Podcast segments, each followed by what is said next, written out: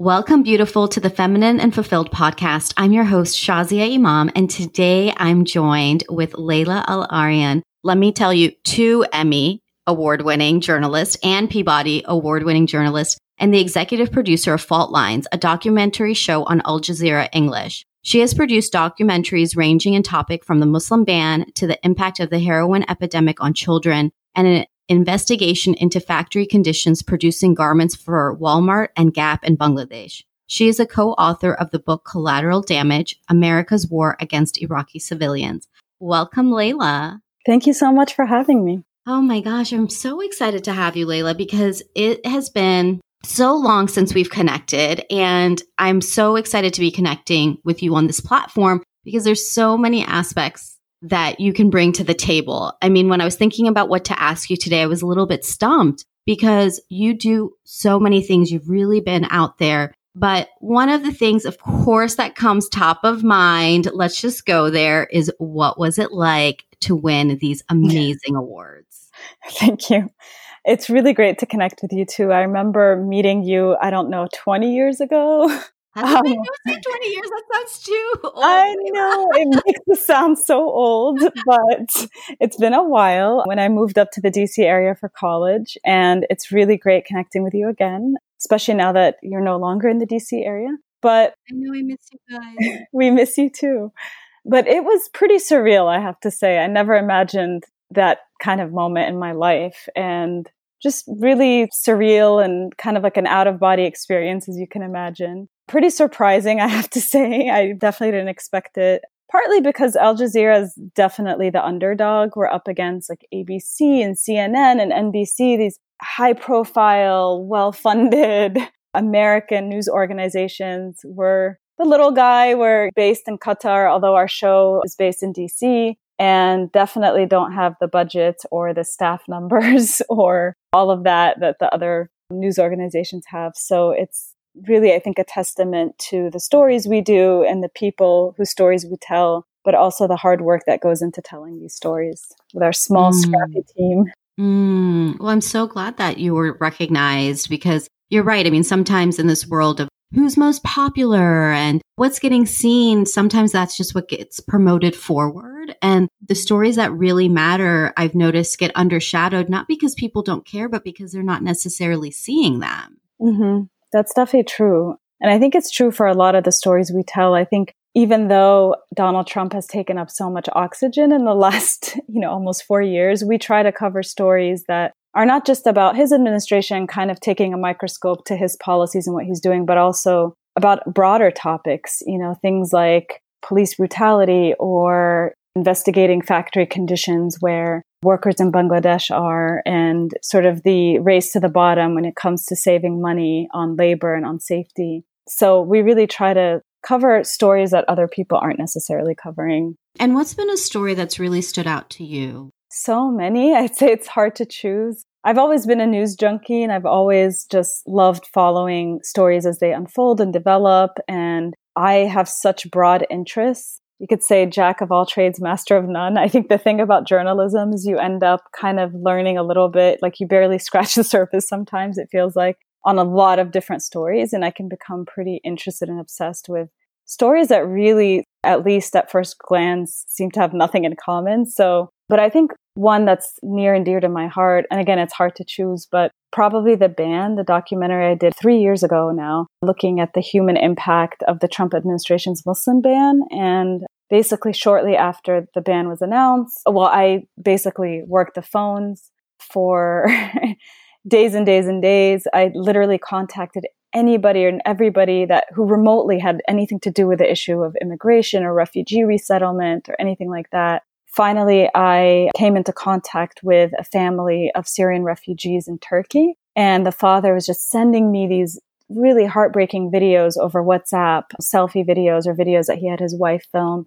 of him just telling their stories, saying, We're really desperate. We were supposed to come to the US to be resettled as part of the refugee resettlement program. They'd escaped war torn Syria. And two of his children were very sick. And his oldest child, who was six years old, was especially sick. They were all supposed to come to the US and he was supposed to get his son medical treatment. But their security clearance had elapsed. The ban came into effect. They couldn't travel anymore. And then his son's condition rapidly deteriorated. He ended up in the ICU in a small Turkish hospital that didn't even have a pediatrics unit. And he basically was really desperate. He's like, please come here, you know, tell my story. We immediately got on a plane. I'll never forget. It was, I'd already scheduled my son's fourth birthday party.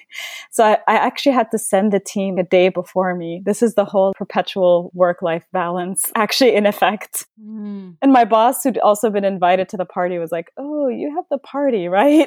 so he knew that I couldn't leave. So I sent the team a day beforehand to meet the father to start filming. I did the birthday party and literally got on a plane. I remember that day at my son's party, he was like shivering because he had a fever. And I was like, oh my God, how am I going to get on a plane and leave my sick child? But these are the sort of decisions you have to make. And then just started filming with his family for a few days in Istanbul. And tragically, on our last day there, he texted me at around 5 a.m. He told me his son had passed away. Mm. It was horrible. His condition just kept deteriorating and he just didn't make it. And the family was obviously heartbroken. And, you know, we asked them if we could keep kind of talking to them, filming with them, because I just knew that really telling this story would show people there are very real and human consequences to blanket policies. When you announce that you're banning the citizens of seven Muslim majority countries from coming to the United States, that affects millions and millions of people, right? You're banning entire nations without exception. Eventually, they changed the ban. You know, there were a few different iterations, but at that moment in uh, January, February of 2017, that's this family story. And I just wanted to capture it for people to see in real time the human impact it has. We also, in the same episode, we covered the case of a young Iraqi Yazidi boy named Dilbareen who had basically been displaced from his home because of ISIS, ended up in a refugee camp, there was a horrific fire in his tent. Much of his body was burned, and then it was horrible. And then he came to the US for medical treatment, uh, for surgery. And then because of the ban, his parents actually weren't able to come here to kind of see their son through surgery. Very young, I think he was two years old. And so we tell his story as well, and we interview the woman. She was a very passionate, compassionate Yazidi woman in Michigan who was his caretaker. And we visited them and kind of told his story. And, you know, it was obviously two very tragic, extreme examples, but I think sometimes you need these high stakes cases to make people pay attention and care. And that was kind of the editorial decision we took. Absolutely. And what happened to those families ultimately? So after our piece came out, the Syrian family, uh, or Abdul Jawad was their other child, but they ended up actually UNHCR prioritized their case and they ended up being moved to Germany because their process was just so much faster. There wasn't like a ban in place like there was in the US. So they're now living in Germany. They had another child. You know, they're really building a life there. They're seeking medical treatment for their son, who at the time was two, who's now, I guess, five. And they are, yeah, I mean, I think they're doing much better, but they obviously miss their oldest son terribly. Mm-hmm. And the Iraqi child, his family did eventually end up coming to the US and seeing through his surgery and all of that. So I guess as endings go, like it was eventually, at least with the case of Dilbareen, I think he got the treatment he needed. But mm. And I imagine that the piece that you did, the story you did for each of them had an impact for them having the ending that they have today. But it doesn't, I can only imagine there's so many other stories out there that we won't even ever hear about. And that's one of the things I think about often is we hear about some stories and I don't know if this keeps you up, but there's so many stories we don't hear about and so many things that are happening. I mean, as a journalist, how do you you talked about balance earlier. How do you balance everything between what you have to do as a journalist, as a mom, as a wife, as a woman, and then the emotional toll as well with the deep work that you're doing? Actually, with the ban, it really did take an emotional toll. I remember the day that Yahya, the six year old boy, passed away we were on our way to the airport and I just had this horrible stomach pain. And I told the driver, like, please pull over, please pull over. And I started vomiting. like on the side of the road. And then we get to the airport and I run to the bathroom and I'm vomiting and I was like, what is going on? And then it just like this like horrible, horrible stomach pain continued. And I thought maybe I had an ulcer. Like I was like, what's going on? I saw a GI doctor. He ended up doing an endoscopy. And then he tells me, he points to my stomach. He's like, this is caused by this. And he points to my head. He's like, your stomach is fine. But he said, you're clearly under a lot of stress and this is the physical manifestation of it. And I just think sometimes when you do have to cover these really sad stories, these traumatic stories, it does have a physical manifestation. I think what's tough is it's hard to kind of wrestle with your feelings because you're like, well, if I feel this way, what about his family? What about his parents? What about the people at the center of the story who are actually experiencing the cause of the trauma? And so it's it's like very complex mixed feelings, but also I think it, I ended up realizing I also had to kind of take a step back and take a mm-hmm. break and try to create a little bit of distance between myself and the work I'm doing because not in the way I tell the stories, but just in the need to kind of take a break every now and then and just recalibrate and just take a healthier approach. How have you been able to do that? I don't think I'm always successful, but I think it's just about focusing on family, trying to be present when I am home and not on my phone all the time or not working all the time. I think is something I especially struggle with. I think I've become really passionate and obsessed with the work I'm doing. And I think it's just forcing myself to take that time off, to take that distance, try to incorporate exercise, just like healthier habits. But it's always a work in progress. I can't say that I've mastered any of it. I'm with you on that. I think life is a work in progress. And this question I hear so often from my clients about what you're speaking to. It, it's really easy to get so emotionally invested in what's happening in other places. And Laila, for you, you're literally boots on the ground covering these stories. So you're seeing them firsthand. But this phenomenon of really being so interconnected in the world we live in today can also be very overwhelming and mm-hmm. finding that way the simple things to be with family or to just have that time for yourself.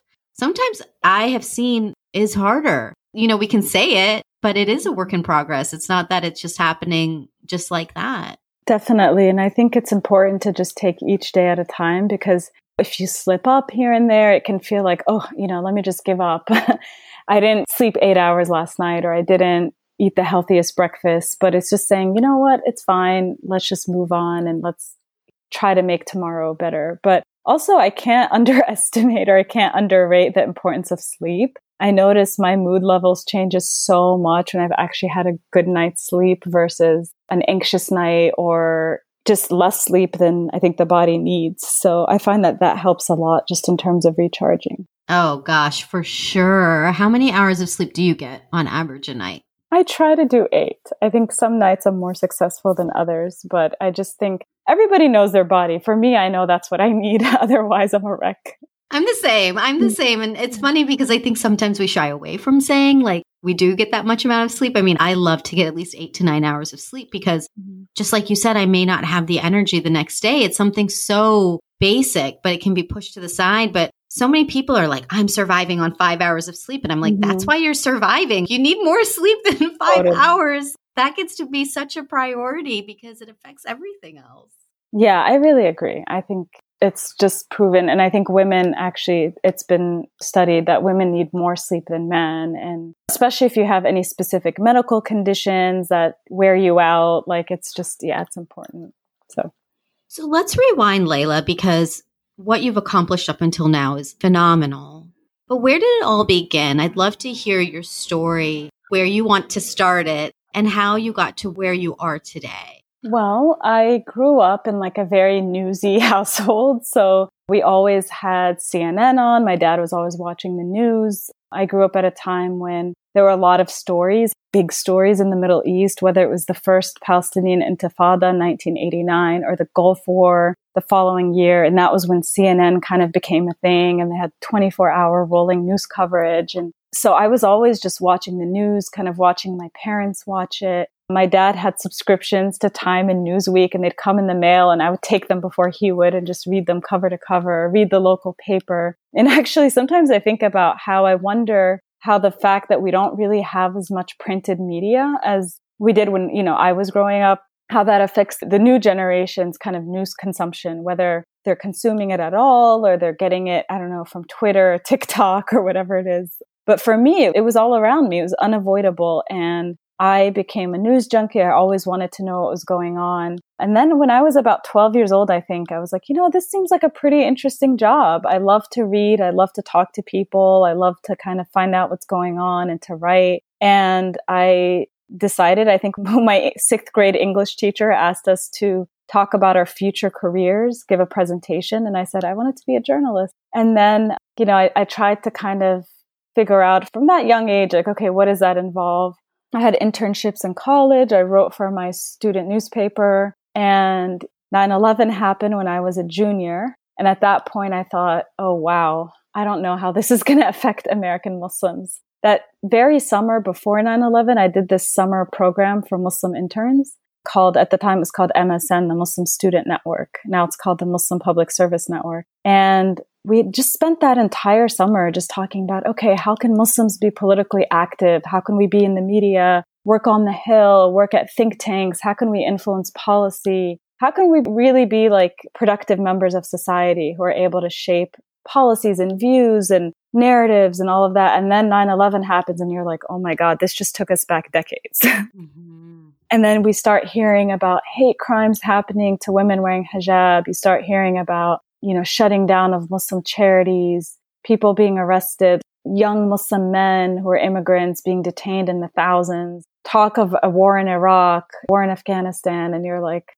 okay, the world has just changed. It's going to be a lot more challenging than ever before. And in my own personal life, my father was targeted and arrested after 9 11, put on trial for his activism on the Palestinian cause. And obviously that had a tremendous impact on me personally, having to advocate for him. You know, I was only a senior in college and all that happened. You know, I was like 20, 21 years old, traveling the country, giving speeches, talking about him. And of course, job prospects kind of went out the window for me.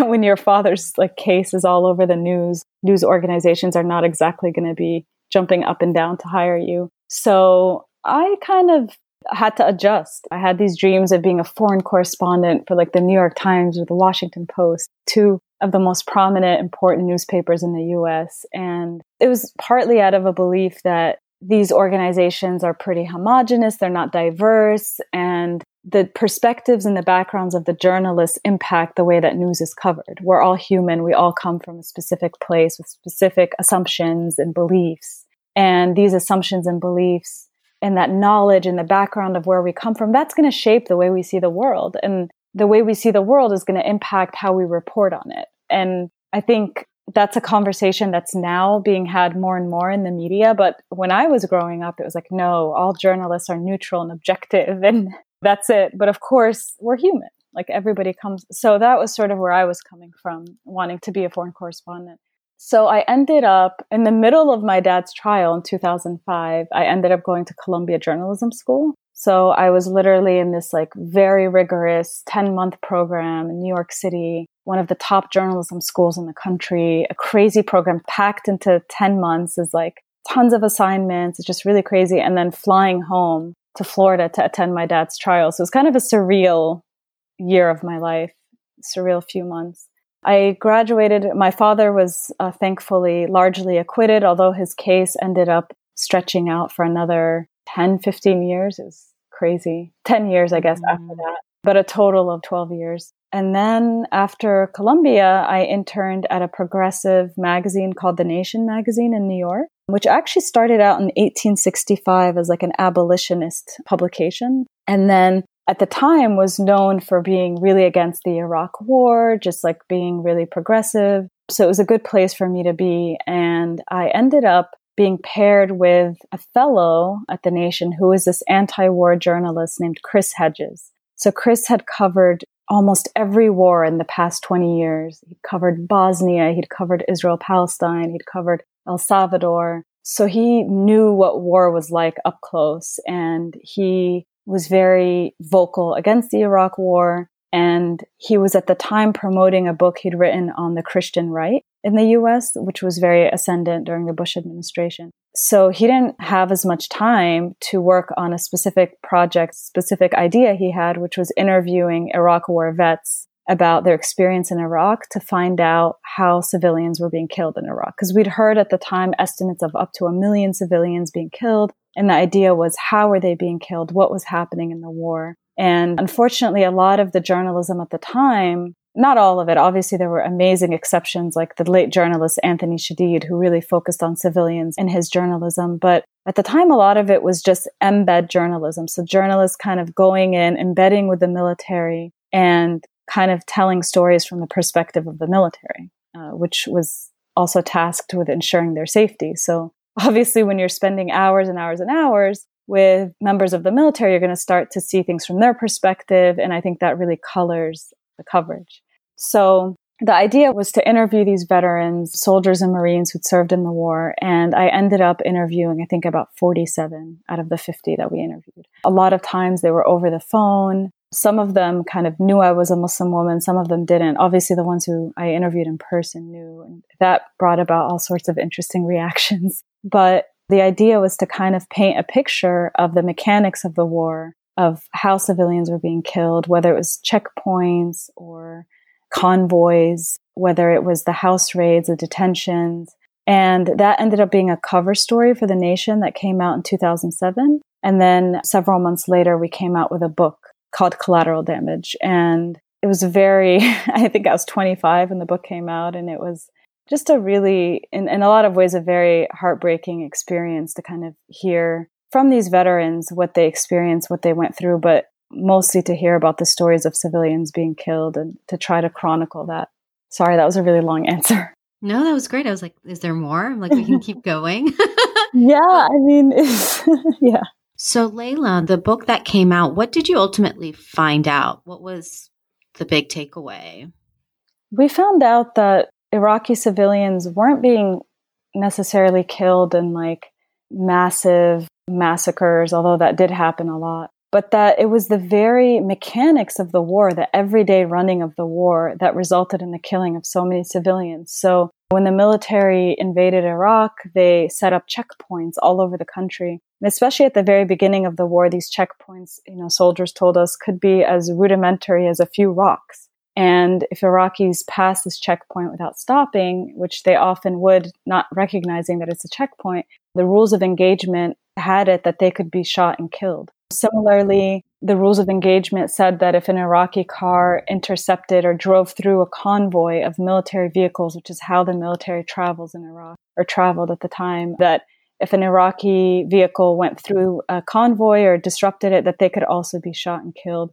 We found that people were being detained by the hundreds of thousands. Oftentimes, families didn't know where their loved ones went. That you'd be hard pressed to find a single Iraqi family that didn't experience the terror of a night raid. Men and women and children would be separated, homes ransacked, and that a lot of these troops had no idea to what end all of this was happening. And also, we had a chapter called Hearts and Minds, which looked at the racism within the military, the fact that Iraqis were regularly described as Hajis. So Haji, Haji, Hajj mm-hmm. is actually an honorific, a beautiful term that Muslims use for someone who's been to Hajj, the pilgrimage in Mecca it was appropriated in the military as an epithet, as a racial epithet to talk about Iraqis. Haji this, Haji that.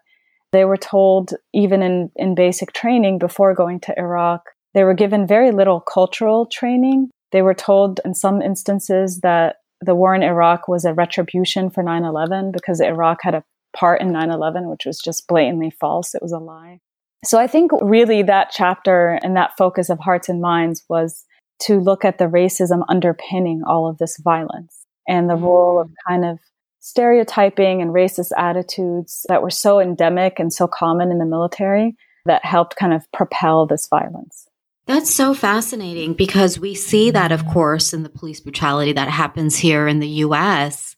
It's really this undercurrent of racism that emerges and what the outcome is for real people. Absolutely. I mean, we found that the dehumanization of Iraqis was part and parcel to the running of the occupation of Iraq, to the mechanics of it and that it helped justify violence towards Iraqis and that really there wasn't a proper accounting for the civilian casualties that were happening. There weren't proper investigations.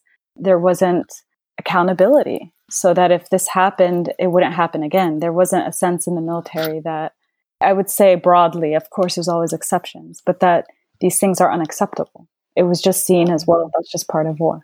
Wow. And you, you talked about the rules of engagement because I'm not familiar with war and rules of engagement. Is that something that's understood by everybody? Like who creates the rules of engagement in a war? I think that was part of the problem is there were often the rules of engagement changed so often that soldiers and Marines were kind of left wondering what they actually were. There weren't a standard set of rules of engagement and there wasn't really accountability for whether these rules ensured the protection of civilians or what would happen to someone who broke the rules. So I think in general, they were just all over the place. It was chaos. Mm. Well, I so appreciate that you were able to cover the story and bring it to light because, you know, these are just things that we don't hear about, unfortunately. Again, does it make the main news headline? Typically, no. And and these are real stories. So, Laila, I know your story continues, and I'm curious to know because now you've shared. Now you're 25. You've written this book, mm-hmm. and yeah. and then what? I won't say your age on here, but I know mm-hmm. that there's yeah, there are more years ahead of that. I'm definitely not 25 anymore.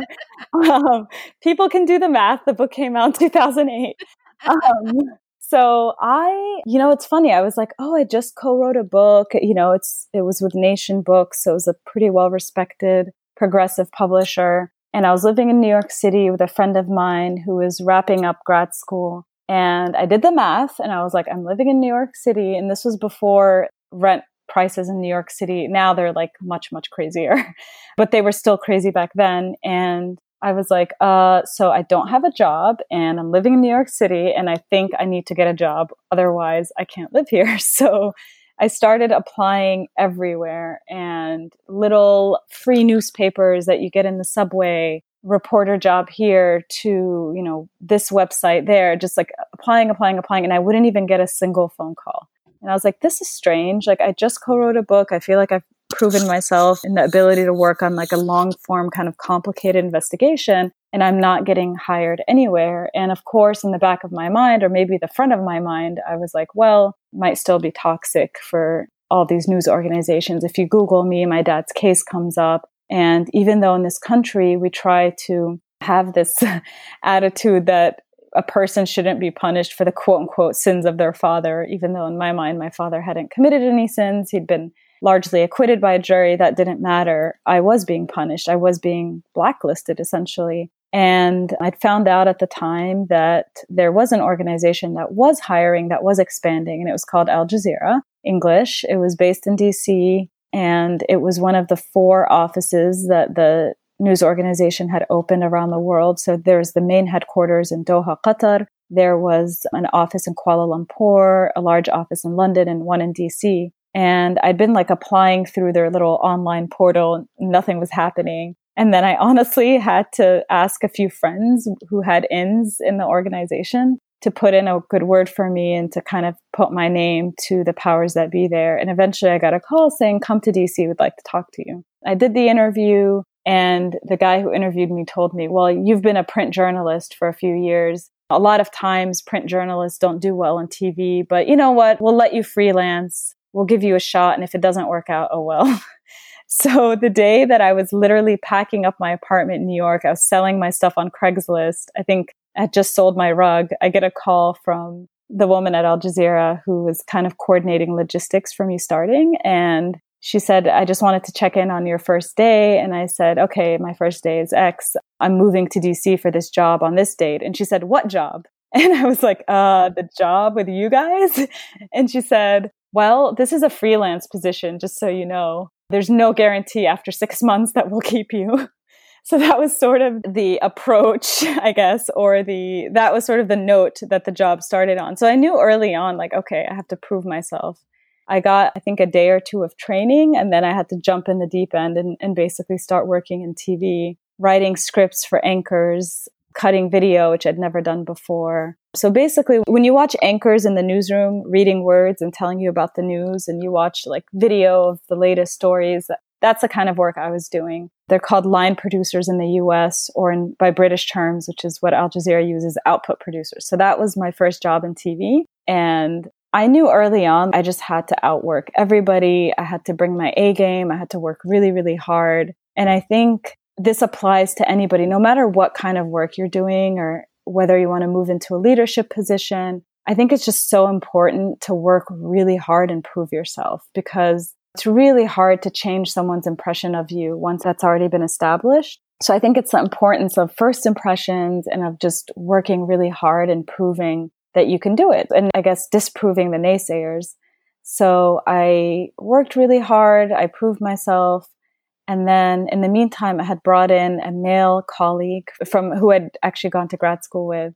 And a few months later, I saw that he'd been promoted. Like they were training him to be promoted to sort of the next higher position. And I was like, but I, I've been working really hard. I've been proving myself. I don't understand. Like, why is he being promoted and I'm not? So I went to my male boss at the time and I said, you know, he's being promoted. What did I do wrong? And I'll never forget this because this has really influenced the rest of the way that I've approached kind of working in, in a newsroom, but also work in general. He told me, well, he asked and you didn't. And I realized very quickly that I think, especially with women, a lot of times we think, well, if I only work hard, someone will notice and I'll get that promotion or I'll get that award or I'll get that recognition or I'll get that gratitude or appreciation. And I realized actually, at least where I was, that's not the way it works. When your male colleague asks to be promoted and they take him up on it and they start training him and you don't ask and you just think, well, one day someone will notice. that's, you kind of have to adjust.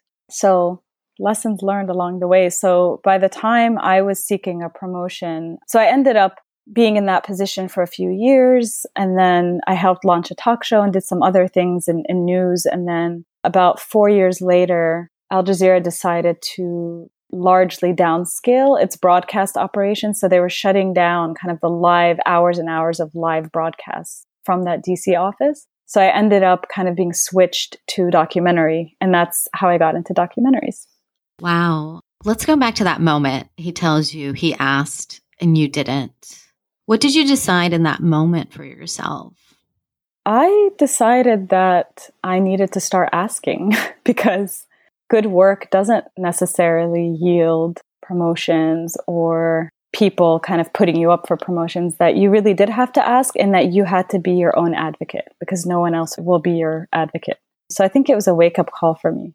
And what advice would you give the beautiful listener right now who might be in that same place that you were, waiting, waiting to be recognized or hoping. And now you're saying you have to ask. What advice would you give her? Because it's not really part of the feminine DNA in the way that we've been raised and taught. It's true. And I think you do have to ask. You do have to ask for a raise. You do have to negotiate that offer. And you have to be willing to walk away if they say no, but you have to be your own best advocate. So I think just having that realization that things don't necessarily come easily or automatically, and that sometimes we have to think like a man. I hate to say it, but be your own best advocate and ask for more, especially if you deserve it. And really not being hard on yourself, like saying, yes, I do deserve this. I've worked hard. Being really objective. I think sometimes we can be very hard on ourselves, but thinking, what would I tell a friend? What would I tell a, female colleague? And giving that same pep talk to yourself. Absolutely. And, you know, I know this as a woman, and I imagine you can relate too, is that to even ask and feel like, oh gosh, like that's not nice, quote unquote. That's not nice. And I shouldn't say anything and I should just keep working hard. And I don't actually think that asking is something as big as we make it out to be in what we think. Sometimes it's simple. It's just putting it out there because then it allows that person, the other person to know, oh, well, so and so's interested. And now they start seeing things aligning for you. You know, oftentimes I, I share about when it comes to manifesting things, it's just putting it out there. So Another way to even think about it is yes, sometimes you have to ask and it feels bold and you have to be courageous, but sometimes it's just like putting it out there. It can be as big as wanting a promotion, but it can be as simple as something you want in your life. But when you actually put it out there for people to know that that's what you want, then people will, unless they're complete jerks and whatever, most people will now know that and start to support you in it too. I know that that's a big blanket statement, but I believe that as women, if we just shift it a bit to be like, it's okay to put my desire or my want out there rather than waiting to be noticed, then you're giving somebody the gift of seeing what you want so that they can support you in it. I completely agree with that. I think sometimes it is about taking risks and putting it out there. And, you know, if it doesn't work out, what did you lose? You put it out there. And, you know, I think the potential for reward is a lot bigger than the mm-hmm. potential for risk. Because if it doesn't work out, then it's status quo, right? But if it works out, the reward can be really big. And I should mention, I mean, I don't actually hold it against my male boss who told me he asked. I just think, unfortunately, sometimes that's how the workplace is and that's how society is. And we, in some ways, have to adjust to these expectations and we have to put ourselves out there a bit more to get noticed. But that said, I mean, I should say that I've had plenty of male bosses and colleagues who have given me opportunities, who have pushed for me to be promoted, who have encouraged me along the way. So, yeah, I just don't mean to paint a picture of other than of course. yeah. Of course. Like you said, I mean, it's it is our responsibility as women, as powerful people, to put ourselves out there in whatever way that is. I just want to really highlight this advice that you're giving to ask. And like you said, even if it's a risk, what do you have to lose? Because the gains can be so much. Mm-hmm. And that's just, it's amazing to be on the other side. And Laila, to watch you on the other side getting those awards. I love the picture of you. I think it's at the Emmys, you know, receiving your reward, being at the mic. Take us to that moment when you I am just wanting to know what was it like to be there accepting this award that recognizes what you and your colleagues have done in the world?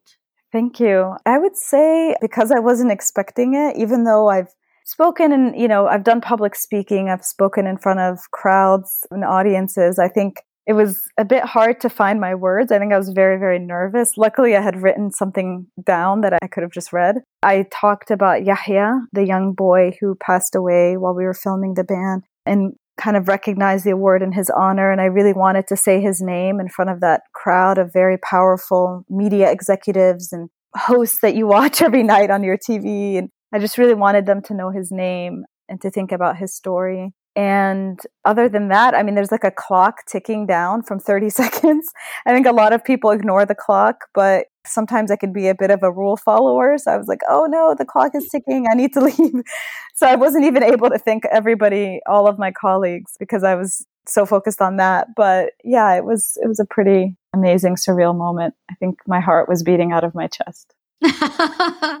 well, I'm so happy for you. Thank you for being a change maker, Laila. Thank you for being the woman that you are and the journalist that you are, the mother that you are. I know we didn't even get into family life. That would be, you know, need to be its whole own episode. But thank you for being this amazing mother to your two beautiful boys and an amazing wife. And beyond all the roles you play, being a beautiful soul in this world.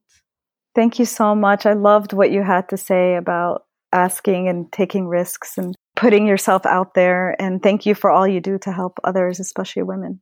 Oh, and one last thing before I forget, I wanted to give you a really special gift because how could I not? I actually have a list of my favorite things that make me feel feminine and fulfilled. And I would love for you to have it so that you can grab whatever you want from the list. So if you want to see my list of my favorite things, go to thelifeengineer.com slash favorite. And it is a full list of all of the things that I love and all the links for you to grab them.